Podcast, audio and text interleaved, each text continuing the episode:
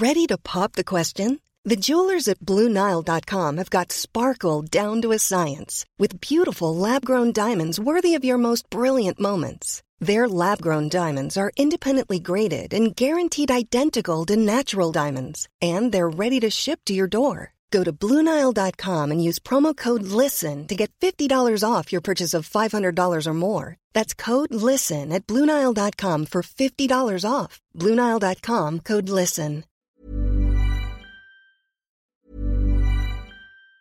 Normally, being a little extra can be a bit much, but when it comes to healthcare, it pays to be extra.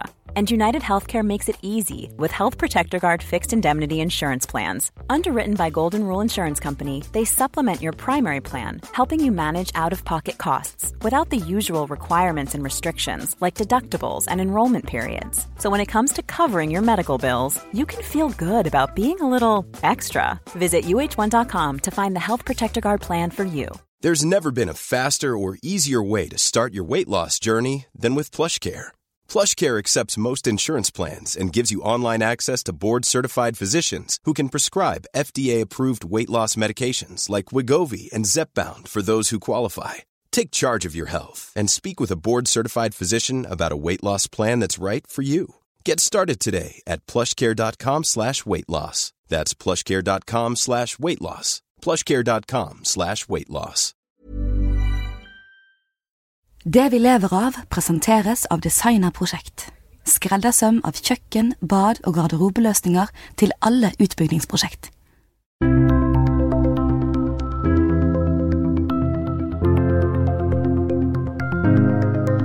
Tidligere i høst ble det kjent at Equinor skal bygge en gigantisk havvindpark utenfor New York i USA. Prosjektet skal koste 3 milliarder dollar og gi strøm til en halv million husstander. Konsernsjef Eldar Sætre ser stort potensial i havvind.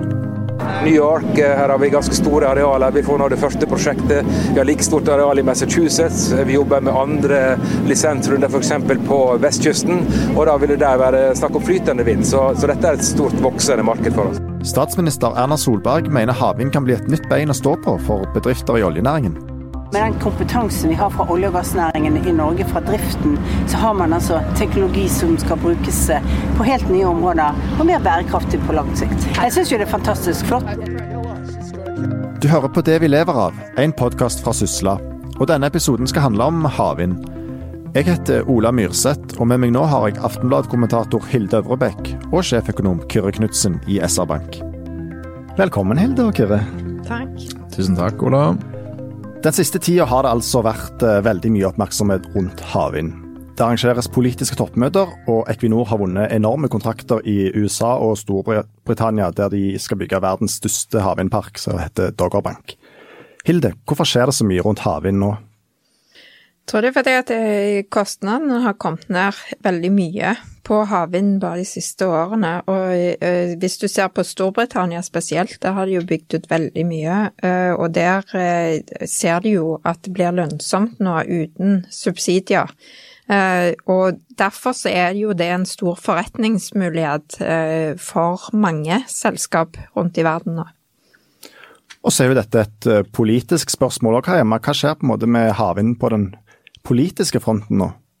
Ja, det, i Norge har vi jo for så vidt vært litt treige med å åpne. Eh, I 2011 eh, så var det jo veldig mye snakk om eh, at vi måtte åpne opp for havvind på norsk sokkel, og så kom Ola Borten Moe som ny olje- og energiminister og avlyste hele havvindfesten som vi skrev om i Aftenbladet. Og siden den gang så har det jo faktisk ikke skjedd så mye i det hele tatt på norsk sokkel. Det er først nå det siste halvåret at eh, de har sagt at de skal åpne to områder eh, på norsk sokkel òg for havvind.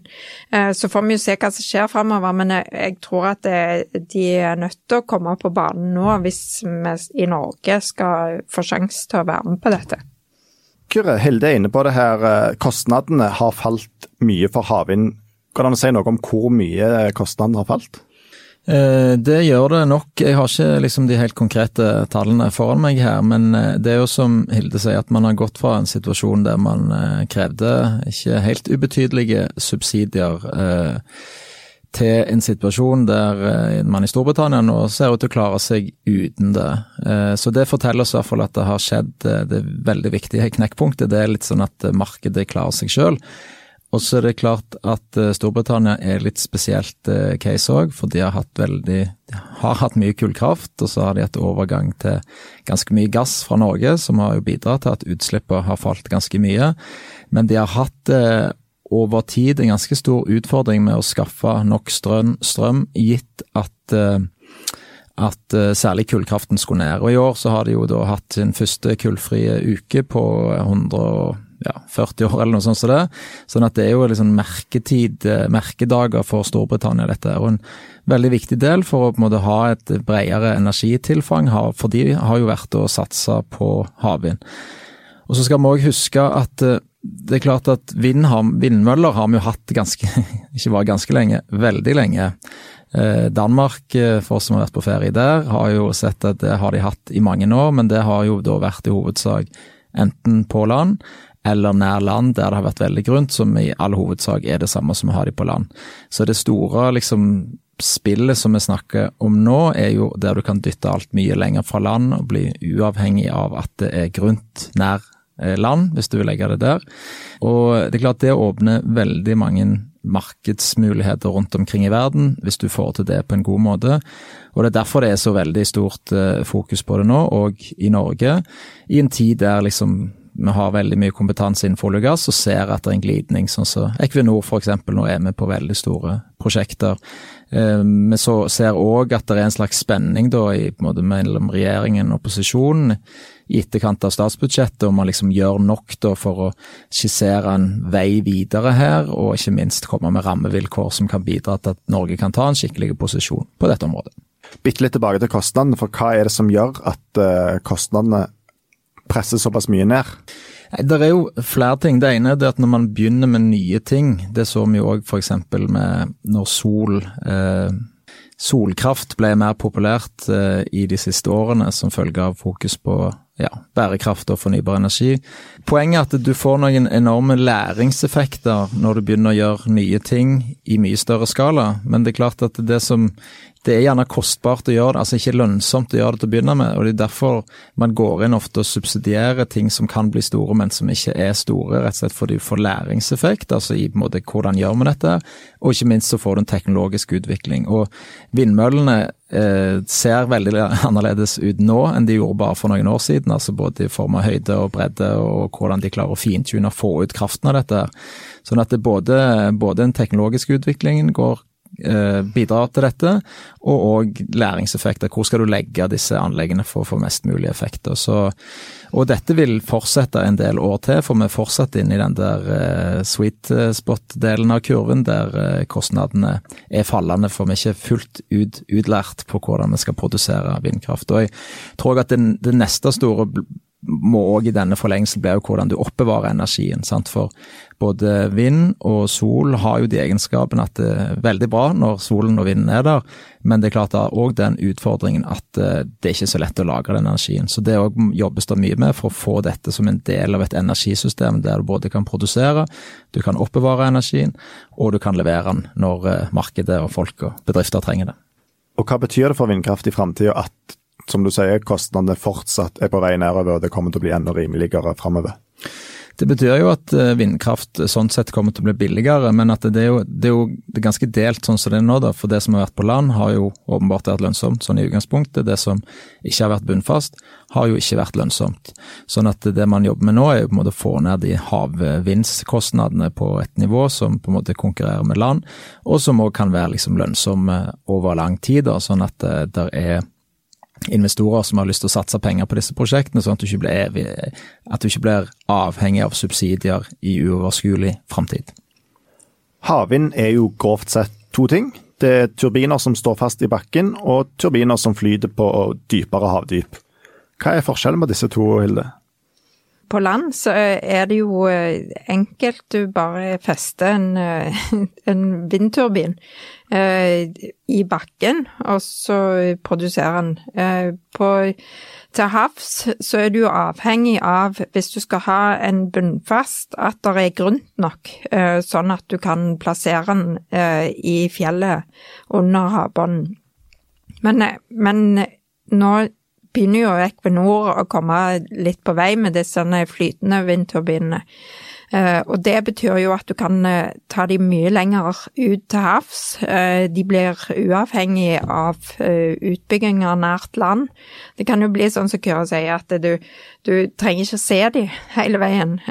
Og da blir det jo litt mindre problematisk på den måten, fordi folk reagerer jo når de ser disse vindmøllene. Det er jo det som har skapt de store protestene. Nettopp. og det er jo sånn at uh, Vind på land, som du er inne på der, har blitt et veldig betent tema. og Kanskje spesielt det siste året har det liksom vært høyt oppe i, uh, på dagsorden. Er det noen konflikter til havs? Ja, det er jo, det er jo litt med uh, det samme på en måte med, med fugletrekk og all slags uh, sjødyr og fiske. Eh, de, de samme egentlig konfliktene litt som du har med olje- og gassutbygginger, men òg det der med, med at fuglelivet er trua, uh, er det mange som mener. Men vi snakke litt om subsidier. For uh, Hywind Tampen, som er et uh, prosjekt Equinor skal i gang med nå, hvor de skal bruke flytende havvind til å elektrifisere en del plattformer ute i Nordsjøen. Det er et prosjekt som koster ca. 5 milliarder kroner.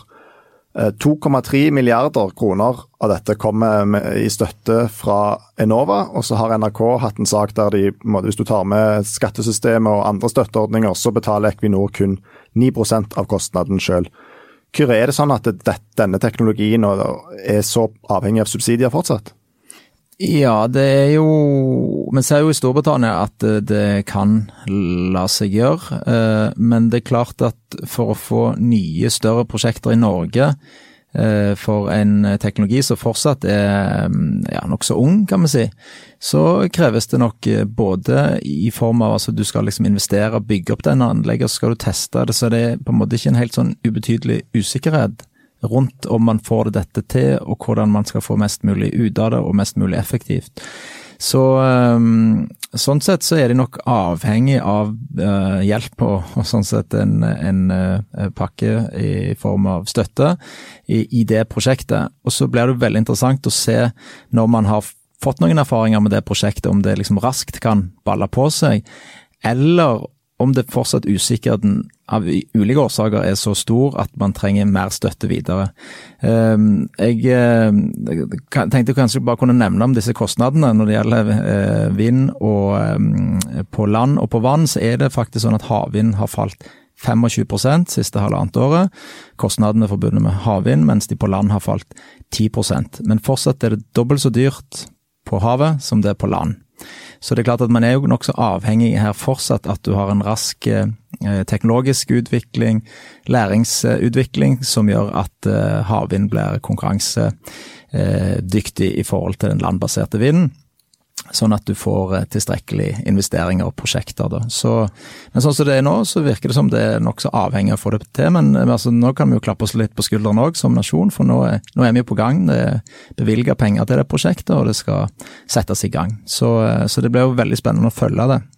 Er det forskjell på flytende og på bunnfast havvind her?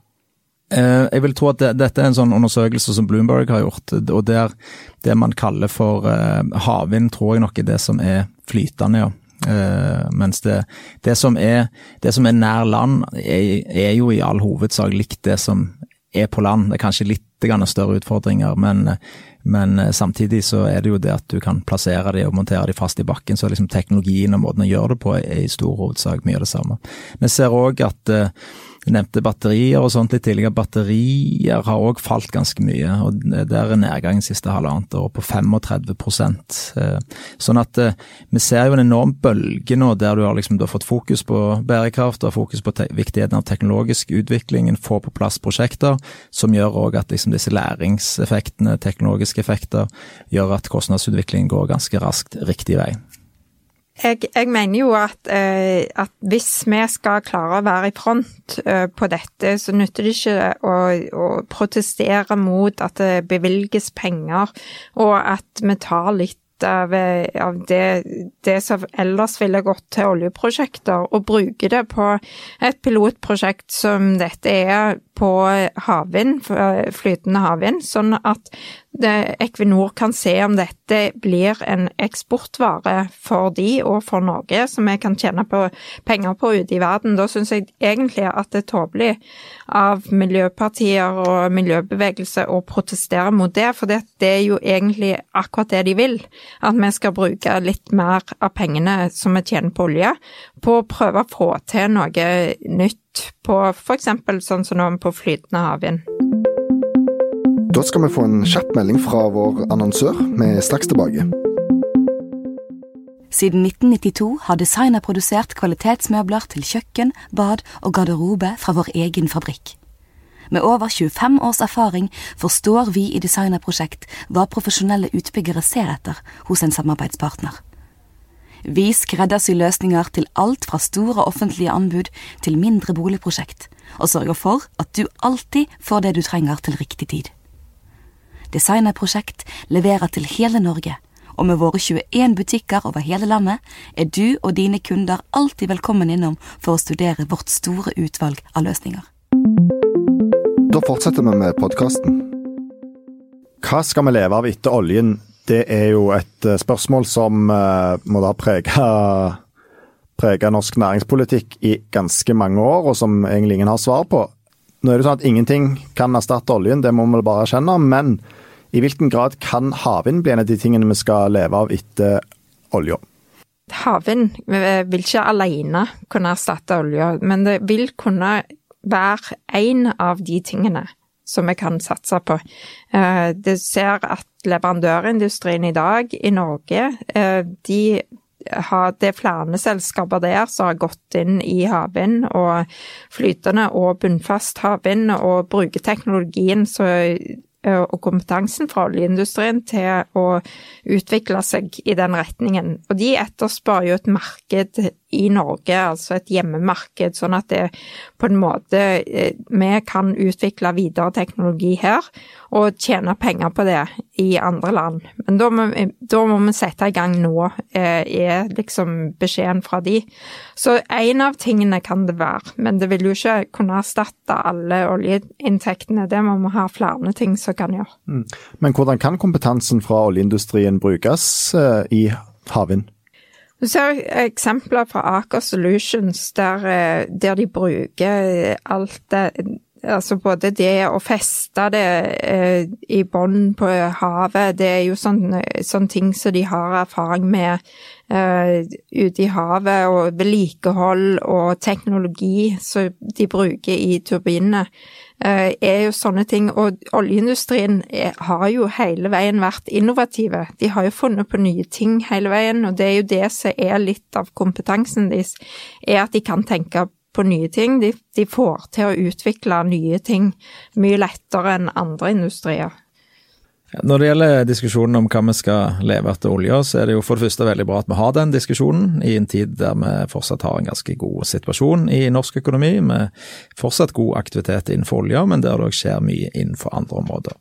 Så tenker jeg også Det neste poenget er at liksom vi alltid levd i en sånn kontinuerlig forandring. Nå har vi levd på litt sånn oljebølge i, i, ganske mange år.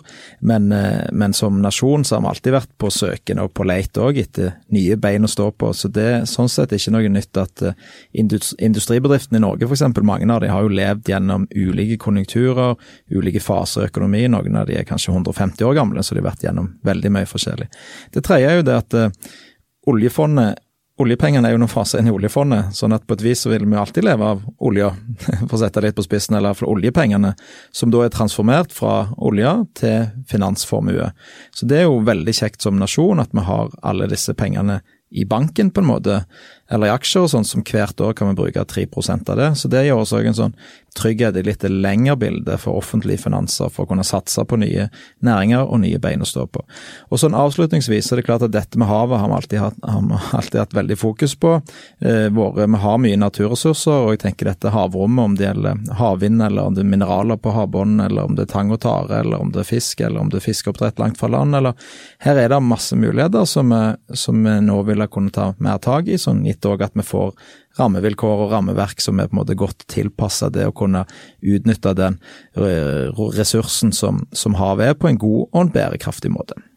Kyrre, dere i SR-Bank gjennomfører jo eh, hvert kvartal en stor eh, konjunkturrapport, eller dere lager det. Der undersøker dere bl.a. i hvilken grad oljeleverandører klarer å finne nye bein å stå på.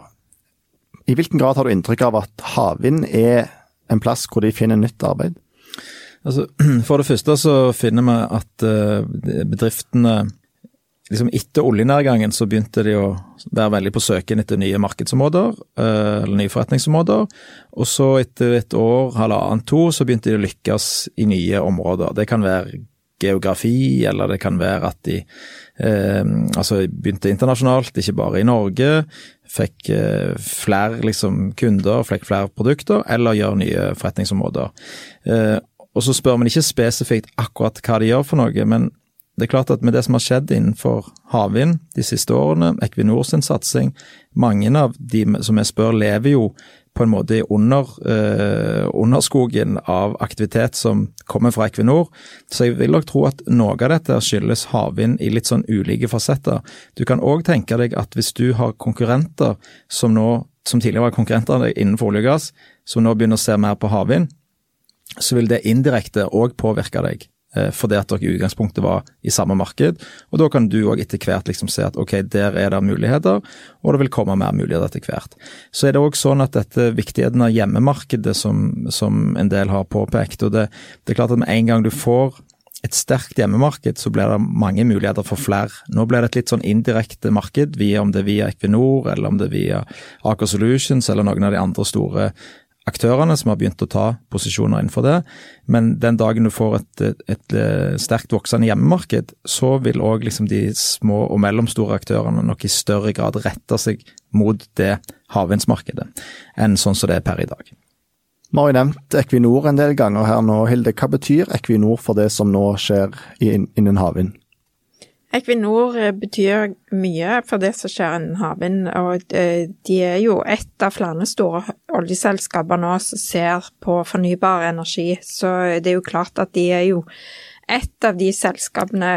Eh, men, men de vil jo bety veldig mye hvis de klarer å seg, få seg en posisjon i det markedet, og de vil bety mye for leverandørindustrien her i Norge òg. Eh, og mulighetene som norsk eh, havvind vil ha ute i verden. Når vi snakker om Equinor, eh, de satser stort på havvind nå. Samtidig så har de i snakker de om framtidsbildet med, med, hvor gass blir veldig viktig.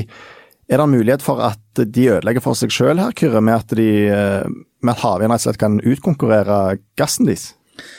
Ja, på et vis så tar de i hvert fall høyde for det. Du kan si det ene sånn overordna er at um, en ting som vi òg måler i, i konjunkturbarometeret vårt, er i hva grad selskapet har ambisjoner om å bli mer bærekraftige. Og klart Der har vi sett et skift de siste årene.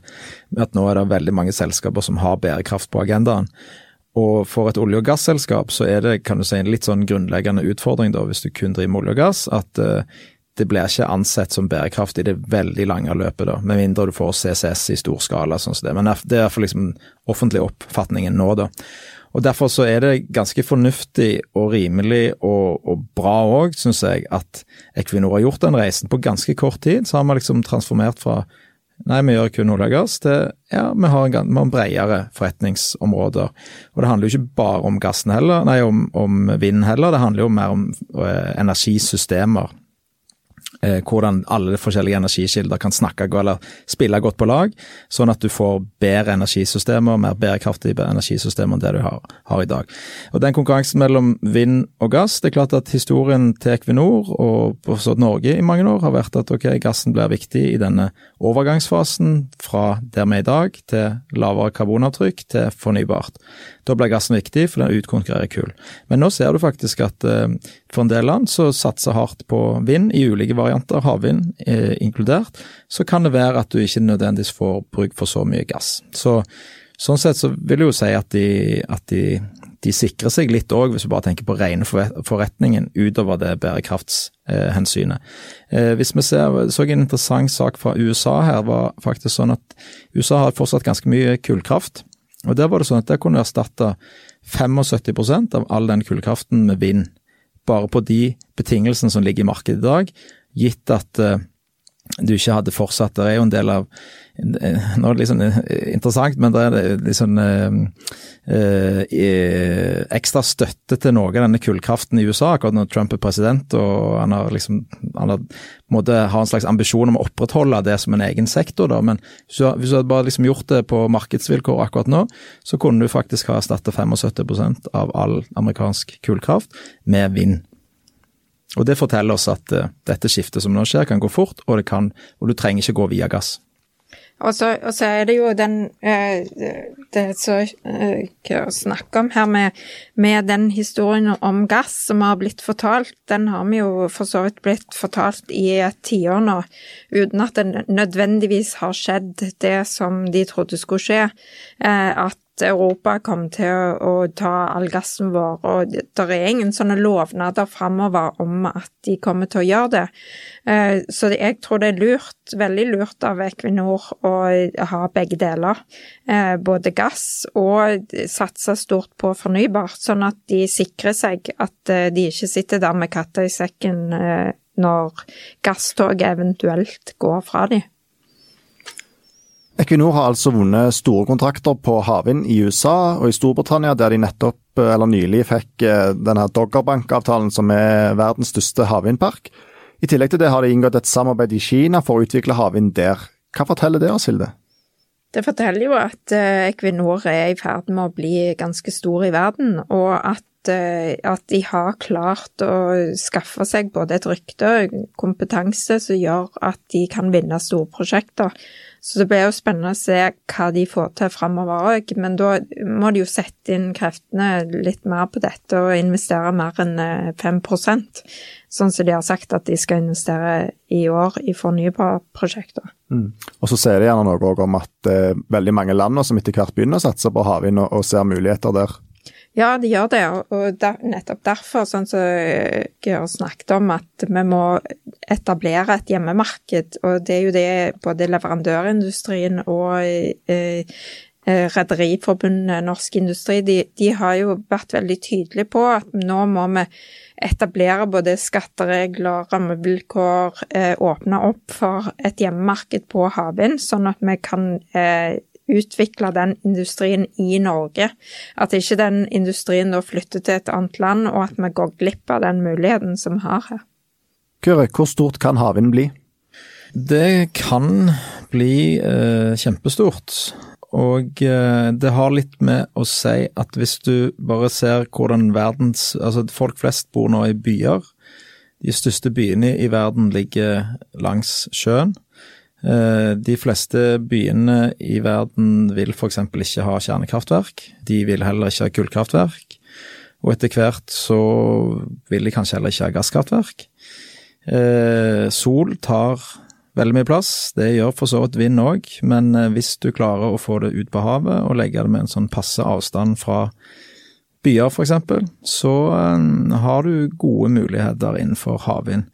Eh, så vil det nok avhenge av eh, selvfølgelig hvor billig og hvor anvendelig og alt dette her det til slutt blir, og ikke minst hvordan du får på med dette med oppbevaring av energi og, og sånn som det. Men det er klart at hvis det, Jeg syns sånn som både det prosjektet som er utfor ut for New York, altså Empire Wind, veldig interessant. Hva var det snakk om 500 000 husstander liksom, som kan forsynes med, med vindkraft da, fra det prosjektet. ligger så langt fra New York at du ikke kan se det, antageligvis, men, eller kanskje hvis du bruker kikkert. Men, men likevel såpass nært at det går greit å transportere energien tilbake igjen til byen. Og det kan jo bli en slags modell som en del andre byer òg vil se på etter hvert. Og tilsvarende òg de prosjektene som er utenfor Storbritannia òg vil være Vi kan få på plass noen sånne store prosjekter der man ser at det funker, og, og ser at det produseres energi, energisikkerheten er god, eh, kostnadene kommer ned på,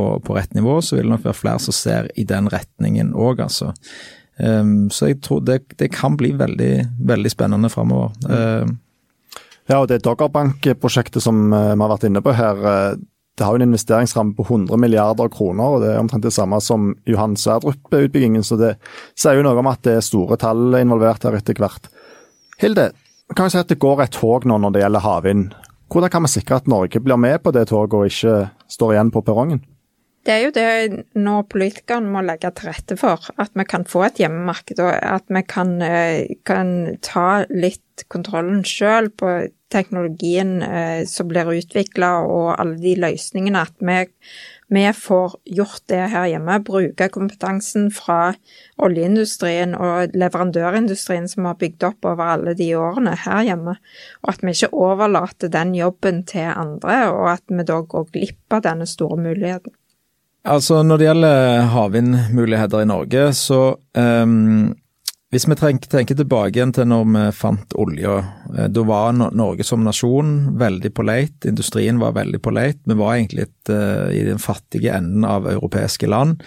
Vi var veldig klar for noe nytt. Vi hadde òg etablert folketrygden i liksom samme periode som vi begynte å eh, etablere de institusjonene som liksom er litt sånn Norge som vi kjenner det i dag, som et velferdssamfunn, og, og veldig på leit etter hvordan kan vi få til å finansiere dette. Da kom olja opp, og så fikk vi ti gode prinsipper eller noe sånt for hvordan vi skulle utvikle norsk, eh, norsk oljeaktivitet og norsk oljeindustri akkurat det samme har vi ikke i dag. Selv om vi snakker om livet etter oljen, så er det ikke sånn at vi er ute med hender eh, for å Hvor kan vi finne markedsmuligheter?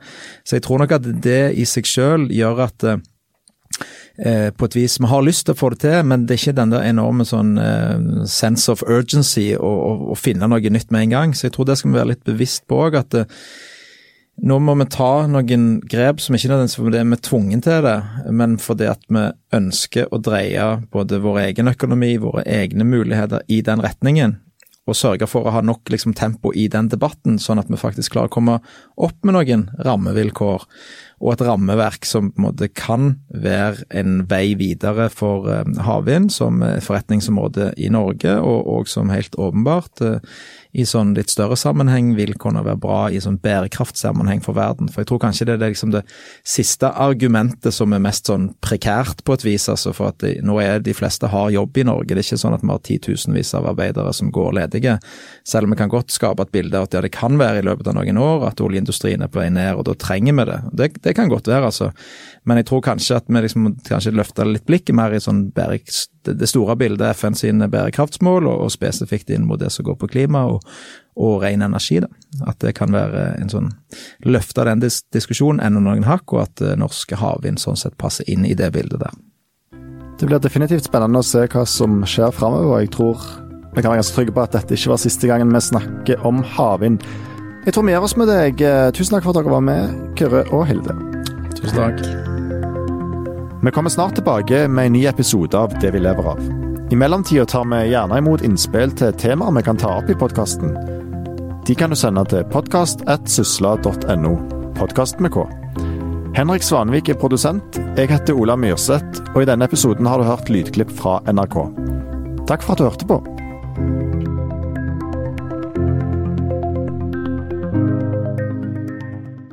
Med over 25 års erfaring vet vi i Designerprosjekt hvilke kjøkken, bad og garderobeløsninger boligkjøpere drømmer om. Besøk oss på designer.no og book et møte i dag for å finne den perfekte løsningen for ditt prosjekt.